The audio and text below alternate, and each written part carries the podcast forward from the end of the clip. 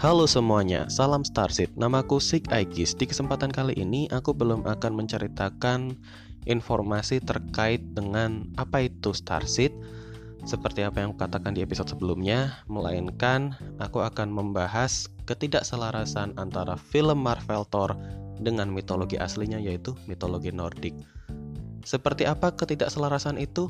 Mari kita bahas. Mungkin kalian adalah penggemar karakter Thor, mungkin kalian adalah penggemar karakter Loki, atau mungkin kalian adalah penggemar karya-karya dari Marvel. Tapi sebelum itu, informasi yang akan aku sampaikan ini bukan bermaksud untuk menghujat, melainkan hanya meluruskan informasi yang salah. Jadi kalau kalian merasa tersinggung, aku pribadi minta maaf, namun sisanya bodo amat. Nah, Poin pertama adalah Loki bukanlah adik dari Thor. Kenapa bisa demikian? Karena sebenarnya di mitologi Nordik, Loki ini adalah adik dari Odin. Meskipun uh, secara origin atau secara asal usulnya Loki ini memang uh, seorang raksasa es atau disebutnya Jotun yang merupakan anak dari Farbauti dan Laufey. Kalau informasi itu sebenarnya benar di mana Loki adalah raksasa es sebenarnya.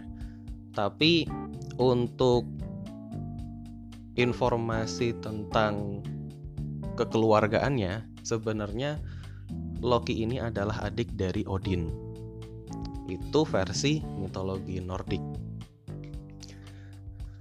Yang kedua adalah bahwa Hela bukanlah kakak tertua dari Thor atau Loki. Karena menurut mitologi Nordik, Hela adalah anak dari Loki.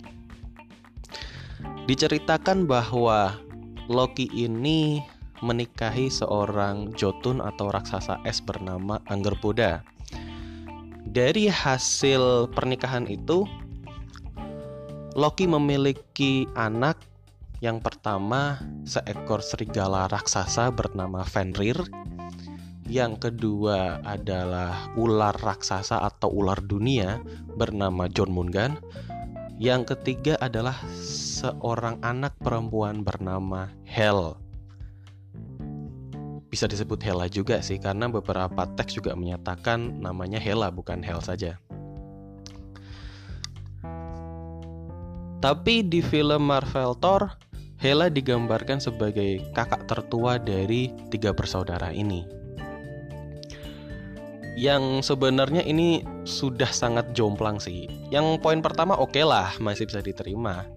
Sama-sama punya peran sebagai adik sekalipun sebenarnya Loki ini adik dari Odin bukan adik dari Thor.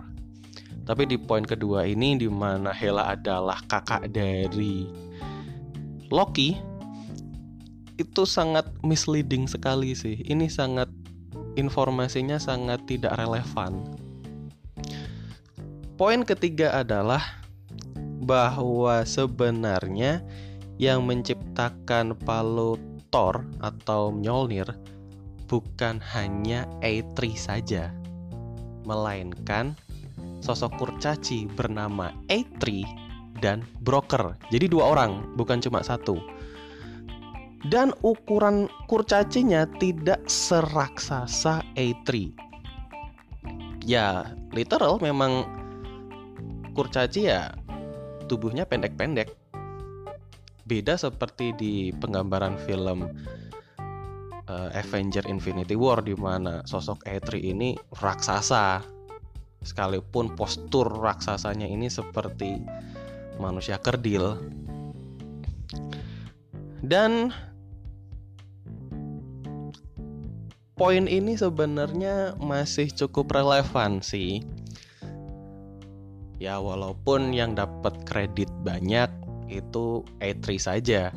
Broker mau dikemanain nih nggak tahu. Walaupun sebenarnya di mitologi aslinya yang bikin dua orang. Dua orang kurcaci tepatnya. Poin keempat adalah Stormbreaker sebenarnya tidak ada. Ya, Stormbreaker di mitologi Nordik itu tidak ada. Stormbreaker ini memang ya ciptaan para kreator komik di Marvel saja. Tepatnya sih Stormbreaker ini punya uh, sebuah palu yang dimiliki oleh Beta Ray Bill. Karena Beta Ray Bill dianggap worthy lah gitu. Lalu Odin bikin sebuah senjata tandingan dari Mjolnir yang dikasih nama Stormbreaker. Dan ketika dibawa ke film Avenger Infinity War, ternyata Stormbreaker ini adalah senjata kedua dari Thor. Dan misleading itu akhirnya terjadi antara versi komik dengan versi filmnya. Walaupun ada beberapa pendapat bahwa sebenarnya juga Thor pernah menggenggam Stormbreaker. Ya bisa sih kalau di versi komik ini dibikin alternate alternate versionnya gitu dari cerita aslinya. Tapi yang jelas Stormbreaker ini tidak ada di mitologi Nordik tapi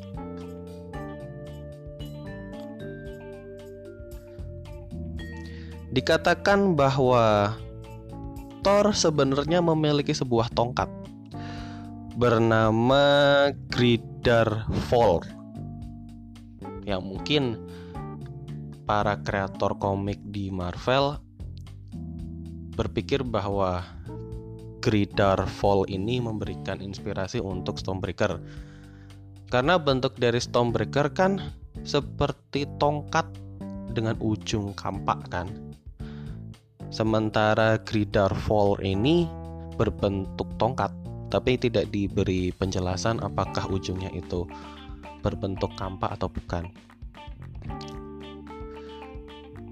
Nah, masih terkait dengan senjata Thor, bahwa sebenarnya Thor itu memiliki sabuk bernama Meginjord dan sarung tangan besi bernama Jang Raper mungkin para penggemar film Marvel khususnya film Marvel Avenger Infinity War kalian pasti akrab dengan yang namanya sarung tangan Thanos atau Infinity Gauntlet mungkin inspirasi dari kreator komik Marvel sarung tangan emas yang dipasangin batu akik Infinity Stone itu datangnya dari Jang Raper. Ya sama, Jang Raper ini juga diciptakan oleh A3 dan Broker. Walaupun di film Marvel Thor atau di film Avenger Infinity War dikatakan bahwa A3 ini pencipta dari Infinity Gauntlet. Sebenarnya di film Avenger Infinity War atau di film Avenger yang pertama, konflik paling banyaknya berasal dari teknologi-teknologi yang ada di mitologi Nordik atau yang ada di Asgard versi Marvel di mana Etri yang menciptakan Infinity Gauntlet itu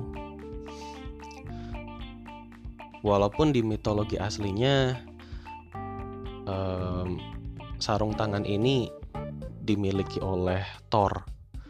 Ya mungkin kreator komik Marvel terinspirasi dari Jang Rapper lalu menciptakan Infinity Gauntlet. Ya bisa jadi seperti itu. Lalu poin selanjutnya adalah bahwa Sif kalian kalau nonton film Marvel Thor yang pertama lalu film Marvel Thor kedua yaitu The Dark World kalian pasti akrab dengan karakter bernama Sif Sif digambarkan sebagai sosok satria wanita dari Asgard Lalu Sif ini siapa? Nah, di poin kelima ini Sif adalah istri sah dari Thor. Bukan Jane Foster. Di film Marvel Thor kan diceritakan bahwa Jane Foster ini nantinya akan memiliki hubungan romansa dengan Thor. Walaupun sih pada akhirnya di film Thor Ragnarok sudah tidak diceritakan lagi nasib dari Jane Foster ini seperti apa. Meskipun di versi komiknya Jane Foster ini nantinya bakal menjadi Thor juga, tapi yang jelas, Sif atau Dewi Sif adalah istri sah dari Thor. Lalu poin keenam adalah bahwa sebenarnya yang menyebabkan Ragnarok bukan hanya kedatangan Hela, dan bukan hanya kedatangan dari atau kebangkitan dari Surtur. Kalian kalau film nonton film Marvel Thor Ragnarok kan kalian pasti tahu bahwa Surtur ini adalah raksasa api. Betul, Surtur adalah raksasa api. Tapi Surtur terus kemunculan Hela, lalu kemunculan serigala raksasa Fenrir itu belum melengkapi kejadian Ragnarok yang sebenarnya seperti di versi mitologi Nordik. Karena kalau di versi mitologi Nordik yang memimpin peperangan untuk Ragnarok adalah Loki, bukan Hela. Ya sekalipun Surtur ada, sekalipun Jotun juga ada, sekalipun serigala raksasa bernama Fenrir itu juga ada. Tapi kan ada Jormungand juga. Mana Jormungand di film Marvel Thor Ragnarok? Tidak ada. Malah Loki menjadi teman Thor dalam menumpas Hela. Ini benar-benar misleading sebenarnya. Dan seharusnya yang membunuh Loki adalah Heimdall. Oke, kalian mungkin sudah mulai merasa aneh ya antara informasi sebenarnya dengan film Marvel Thor. Tapi di poin ketujuh ini aku akan menjelaskan bahwa sebenarnya Loki ini dibunuh oleh Heimdall. Atau seharusnya dibunuh oleh Heimdall. Thor harusnya membunuh John Mungand dan Odin seharusnya mati di tangan Fenrir. Ini menurut mitologi Nordik aslinya. Tapi di film Marvel Thor, ke mana semua kejadian itu? Tidak ada. Odinnya mati, iya mati.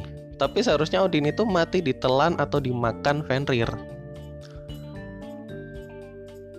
Yang mimpin pertarungan Hela bukan Loki. Lalu Jormungand ke mana? Thor juga akhirnya ber, berfokus pada bagaimana caranya mengalahkan Hela. Kemudian Valkyrie. Valkyrie ini sebenarnya bukan hanya satu ya walaupun di film Marvel Thor Ragnarok diceritakan bahwa Valkyrie ini adalah satu-satunya Valkyrie dalam tanda kutip yang masih hidup. Sebenarnya Valkyrie itu punya nama masing-masing. Tapi kenapa di film Marvel Thor Ragnarok cuma dikatakan dia Valkyrie, just Valkyrie, nggak punya nama asli. Padahal para Valkyrie ini juga punya nama masing-masing. Ya akhirnya ketika aku bilang Valkyrie dari Valkyries itu terkesan aneh. Karena sebenarnya Valkyrie punya nama. Ya, seperti itulah namanya juga inspirasi. Ya, walaupun tidak selaras dengan mitologi aslinya, tapi film Thor atau franchise dari Thor ini masih bisa kita nikmatin. Dan memang penggambaran Valkyrie ini harusnya perempuan, kesatria perempuan sebenarnya.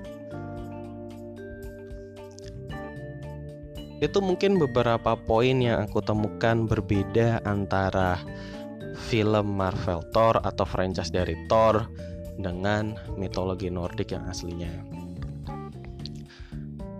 Nah, lantas seperti apa mitologi Nordik itu sebenarnya? Mungkin aku akan menceritakan tentang poin penciptaan mitologi Nordik yang akan aku akhiri dengan Ragnarok. Bagaimana sih penciptaan dari universe atau dunianya mitologi Nordik ini?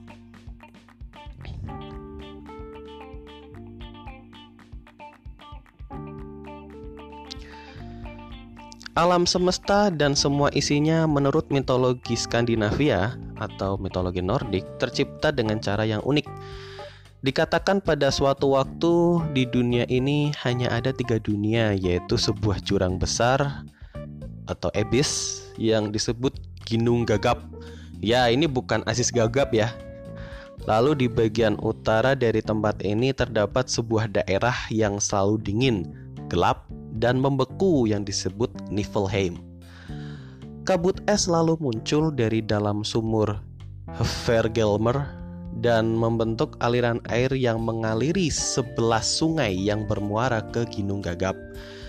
Niflheim sendiri sebuah tempat yang nantinya menjadi dunia orang mati. Setiap orang atau dewa sekalipun yang telah masuk ke Niflheim tidak akan bisa keluar lagi. Bahkan Niflheim juga masih akan selamat dari kehancuran Ragnarok nantinya. Dari sisi selatan Gunung Gagap terdapat Muspelheim, sebuah daerah yang keadaannya panas membara, percikan api, dan aliran lahar. Lahar panas dari Muspelheim juga mengalir menuju Gunung Gagap. Pertemuan dari dua iklim yang saling bertentangan ini menghasilkan dua divine being pertama, yang pertama seekor sapi bernama Audumla dan yang kedua adalah raksasa es pertama bernama Ymir. Ymir mendapat makanan dari susu Audumla, sedangkan sapi ini mendapat makan dari bongkahan es yang menempel di bebatuan. Hingga pada suatu saat kedua makhluk ini melahirkan makhluk-makhluk lainnya. Dari bongkahan es yang dijilati oleh Audumla, Lambat laun terbentuk wujud manusia, kemudian menjadi dewa pertama yaitu Buri. Buri menjadi ayah dari dewa utama lainnya yaitu Bor. Bor dan Besla Besla adalah konsertnya Bor atau istrinya dari Bor kemudian menjadi orang tua dari tiga dewa yaitu Odin, Vili, dan Frey. Di lain pihak, Ymir juga melahirkan makhluk lain Ymir menjadi ayah dari seorang raksasa yang tidak dikenal yang punya enam kepala dan raksasa es, Kelmir. Dari kedua kelompok divine beings ini sering timbul pertentangan dan kebencian, hingga pada akhirnya Odin dengan kedua saudaranya berhasil membunuh Ymir dan membuat tubuhnya sebagai fondasi atas dunia yang mereka ciptakan. Tubuh Ymir berubah menjadi tanah, darahnya menjadi lautan, tulang-tulangnya menjadi pegunungan, rambut dan giginya menjadi pohon dan batu. Sedangkan tengkoraknya digantung di udara dan diubah menjadi langit. Odin lalu melihat ada binatang yang memakan mayatnya di tanah. Untuk itu, dia mengubah mereka menjadi dwarf dan dark elves yang bertugas menambang bebatuan, Binatang lain yang hidup dari dalam tanah diubahnya menjadi like elves yang ditempatkan berbeda di Alfheim.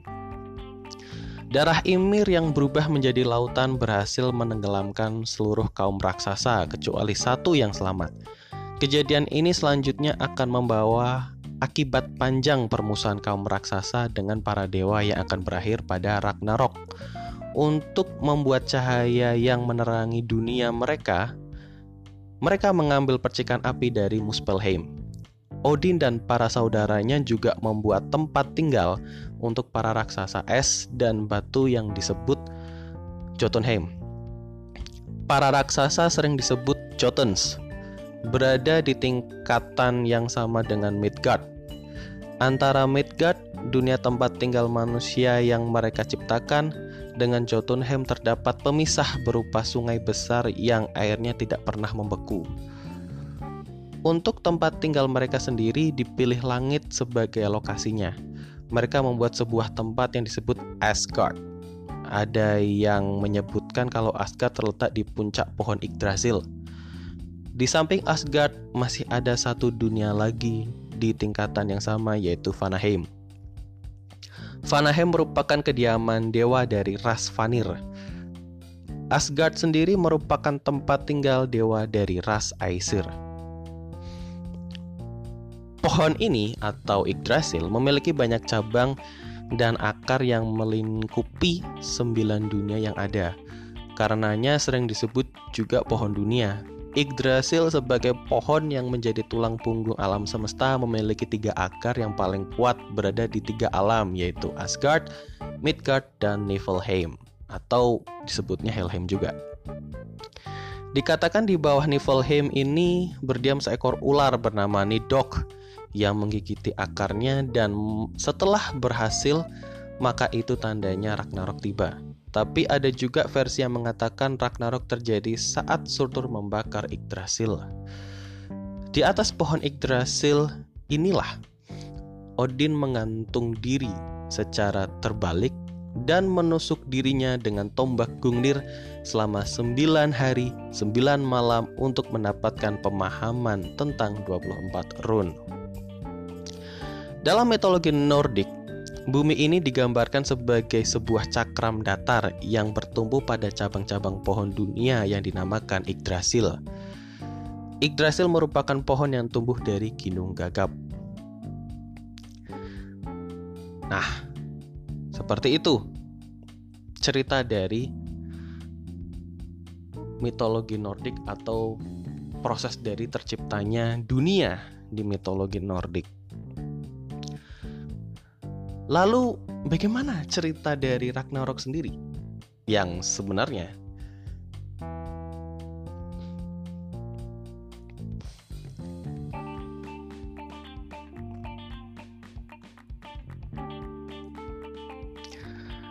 Ragnarok atau takdir para dewa. Istilah ini berarti kiamat para dewa dan juga akhir dari dunia. Raks Ragnarok merupakan perang penentuan antara ras raksasa dan ras dewa yang telah terpupuk selama ratusan bahkan mungkin ribuan tahun. Semua kebencian yang telah ada sejak dunia pertama kali diciptakan oleh para dewa akan berakhir di sini. Pertempuran antara para dewa yang dipimpin oleh Odin dengan para Jotun yang dipimpin oleh Loki. Pertempuran terjadi di padang terbuka yang bernama Vigrid Pertempuran berakibat dalam tewasnya hampir seluruh makhluk hidup dan terbakar habisnya Yggdrasil yang mengakibatkan hancurnya 8 dari 9 dunia dan hanya sedikit yang dapat selamat. Awal mula dari Ragnarok, sebenarnya para dewa telah mengetahui mengenai ramalan tentang Ragnarok setelah satu pertanda adalah lahirnya tiga iblis terkuat sepanjang sejarah yaitu serigala raksasa bernama Fenrir, ular raksasa dunia bernama Jombungan, dan seorang wanita bernama Hel atau Hela. Karena menurut lamalan merekalah yang akan membunuh para dewa yang tak tertandingi. Jadi ketiganya ini akan membunuh para dewa ceritanya.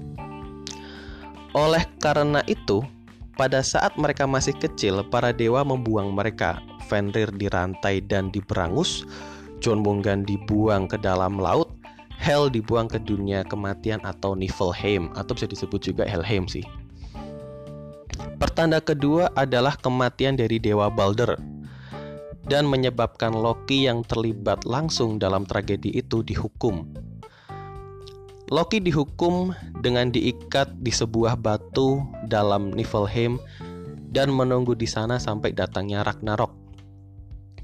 Sang kakala perang besar ini akan diawali oleh beberapa pertanda. antara lain adalah datangnya musim dingin terburuk yang pernah ada atau dikenal dengan nama Fimbulwinter yang membawa dalam masa es dan kegelapan selama tiga tahun berturut-turut tanpa ada jeda di antaranya. Pertengkaran dan permusuhan akan terjadi di antara keluarga dan sahabat. Tidak akan ada lagi moralitas dan keadilan di masyarakat. Lalu dari Ironwood, dua ekor serigala, Skoll dan Hati, yang selalu mengejar bulan dan matahari, akan berhasil menangkap mereka dan memakannya, dan menumbahkan darah Sol dan Mani ke bumi. Sol dan Mani ini, Sol itu matahari, Mani adalah bulan. Bintang-bintang akan menghilang dari langit dunia, dan dunia akan dilanda kegelapan total. Bencana selanjutnya akan menyusul yaitu gempa bumi yang sangat besar yang mengakibatkan sang serigala raksasa Fenrir terlepas dari belenggunya dan siap membalaskan dendam kepada para dewa yang menipunya. Di lain pihak, sang aktor utama Loki terbebas juga dan Garm, sang anjing neraka akhirnya dilepaskan oleh Hel. Kejahatan dan kehancuran pun tiba di atau ke atas bumi. Berikutnya Ekter. Sang penjaga Jotun akan memainkan harpanya. Dan Flajar, sang ayam merah akan berkokok kepada para Jotun dan Gulin Kambi akan berkokok memberitahu para dewa di Asgard. Dan ayam ketiga akan berkokok untuk membangunkan orang-orang yang sudah mati di Niflheim. Gelombang laut datang dengan tinggi dan menghancurkan karang-karang, merupakan pertanda John Mungan, sang Midgard Storm atau ular raksasa dunia yang besar akan bergerak ke daratan mendengar panggilan ayahnya. Dalam usahanya mencapai daratan ini, dia akan mengakibatkan beberapa bencana, di antaranya bisa racunnya yang dikeluarkan setiap hembusan nafasnya akan meracuni langit dan tanah. Dari Jotunheim akan keluar kapal mengerikan Nak Nakfar yang terbuat dari kuku-kuku orang yang telah mati. Kapal ini dikomandoi oleh Frost Giant Hymir berbeda dengan Ymir ya, akan membawa para Frost Giant atau raksasa es atau Jotun ke medan pertempuran.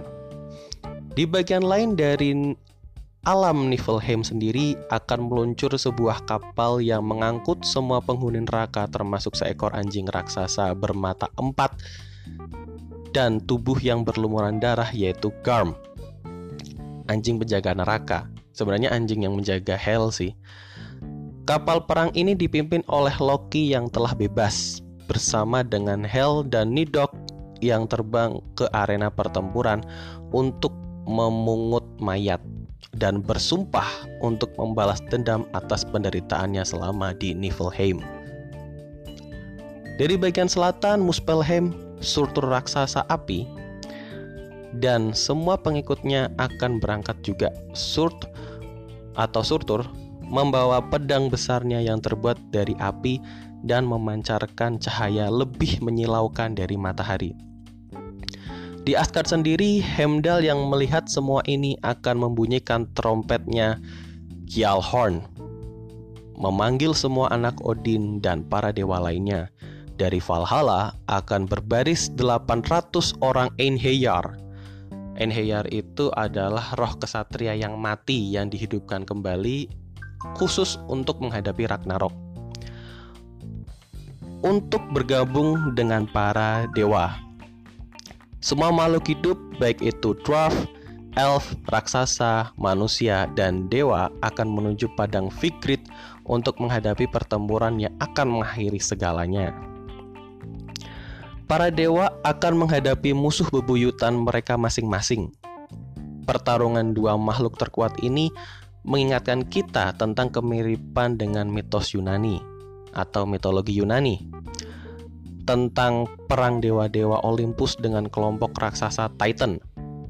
Mungkin memang hanya para raksasa lah yang merupakan lawan sepadan dengan dewa. Begitu mereka semua berkumpul di padang besar Vigrid, perang langsung dimulai. Surtur segera mencari Freyr yang tidak memiliki senjata karena pedangnya telah diberikan kepada istrinya Gerda. Dewa ini akan langsung terbunuh oleh serangan arpi Surd. Sementara itu, dewa perang Tyr Walaupun hanya memiliki sebelah tangan, tapi dia sanggup bertarung dengan anjing neraka Garm. Tyr akan keluar sebagai pemenang dalam pertarungan ini, tapi sayangnya dia juga harus mati oleh luka-lukanya akibat gigitan dari Garm. Thor sendiri akan mencari Jormungand untuk menghabisinya. Duel Thor dengan Jormungand berlangsung seru, di mana akhirnya Thor berhasil membunuh ular beracun ini. Tetapi sama nasibnya dengan Tyr, dia juga harus mati perlahan-lahan karena bisa racun Jormungand yang mematikan. Loki di lain pihak akan berhadapan dengan Heimdall, rival beratnya. Heimdall yang selalu mengagalkan setiap usaha Loki untuk melarikan diri dari tindak kejahatannya dahulu, pertempuran ini adalah paling seru karena keduanya sudah saling memendam kebencian yang amat sangat tetapi keduanya akan sama-sama mati dalam pertarungan ini. Pertarungan yang tidak kalah serunya terjadi antara Odin dengan serigala raksasa Fenrir. Duel di antara mereka berlangsung siang dan malam selama berhari-hari lamanya. Odin yang bersenjata Gungnir akan menghadapi Fenrir yang memiliki taring-taring yang tajam dan tenaga yang kuat. Setelah beberapa hari bertarung, Odin akhirnya kalah di tangan Fenrir. Serigala ini kemudian melahap tubuh Odin dengan mulutnya yang besar. Vidar, anak dari Odin, yang juga melihat kejadian ini dengan amarahnya yang membara, dia segera melompat ke arah Fenrir. Dengan hanya menggunakan kedua tangannya, Vidar merobek-robek rahang Fenrir yang seketika membunuh makhluk ini. Setelah perang berlangsung sekian lama, raksasa api Surtur tanpa mempedulikan lawan atau kawan akan menyulut api pada pohon Yggdrasil. Dengan pedang apinya tersebut, dia mulai membakar seluruh dunia yang akhirnya menghabisi semuanya. Membuat dunia ini tenggelam ke lautan. Hanya sedikit makhluk yang hidup dan dewa yang akan selamat. Setelah kehancuran yang diakibatkan oleh Ragnarok, di mana api dari Surtur membakar habis delapan dunia, dua manusia muncul. Pepohonan mulai tumbuh dan dunia baru pun tercipta. Sebelum dimakan oleh Skol, Sol atau matahari mempunyai seorang putri yang akan membawa cahaya sang matahari. Dengan matahari yang baru ini, kegelapan pun sirna membawa sebuah hari yang baru ke dunia. Ladang-ladang pun ditumbuhi tanaman tanpa pernah ditebar benih. Di antara yang selamat itu ada dua orang manusia yaitu Liv dan Liv Trasir. Menurut cerita, mereka bisa selamat dari kehancuran dunia karena melarikan diri ke Hot Mimir Forest atau hutan Hot Mimir. Salah satu tempat yang tidak dapat dijangkau semburan pedang api milik Sur. Mereka berdua tertidur selama sisa perang Ragnarok. Begitu terbangun, mereka akan menjadi cikal bakal manusia baru di dunia ini. Dari sesuatu yang hancur, selalu muncul sesuatu yang baru dan berguna. Demikian juga akhir dari Ragnarok adalah awal dari dunia yang baru. Padang-padang rumput menghijau kembali, tanah menjadi subur, sumber daya alam melimpah. Nah, dari cerita ini mungkin kalian mendapatkan gambaran sebenarnya dari mitologi Nordik atau mendapatkan gambaran sebenarnya yang belum diceritakan di film Marvel Thor, Thor The Dark World atau Thor Ragnarok atau mungkin Avenger Infinity War juga atau mungkin Avenger Endgame juga. Ya, Sekian pembahasan mitologi Nordik dariku. Sampai jumpa di podcast-podcastku selanjutnya. Bye bye.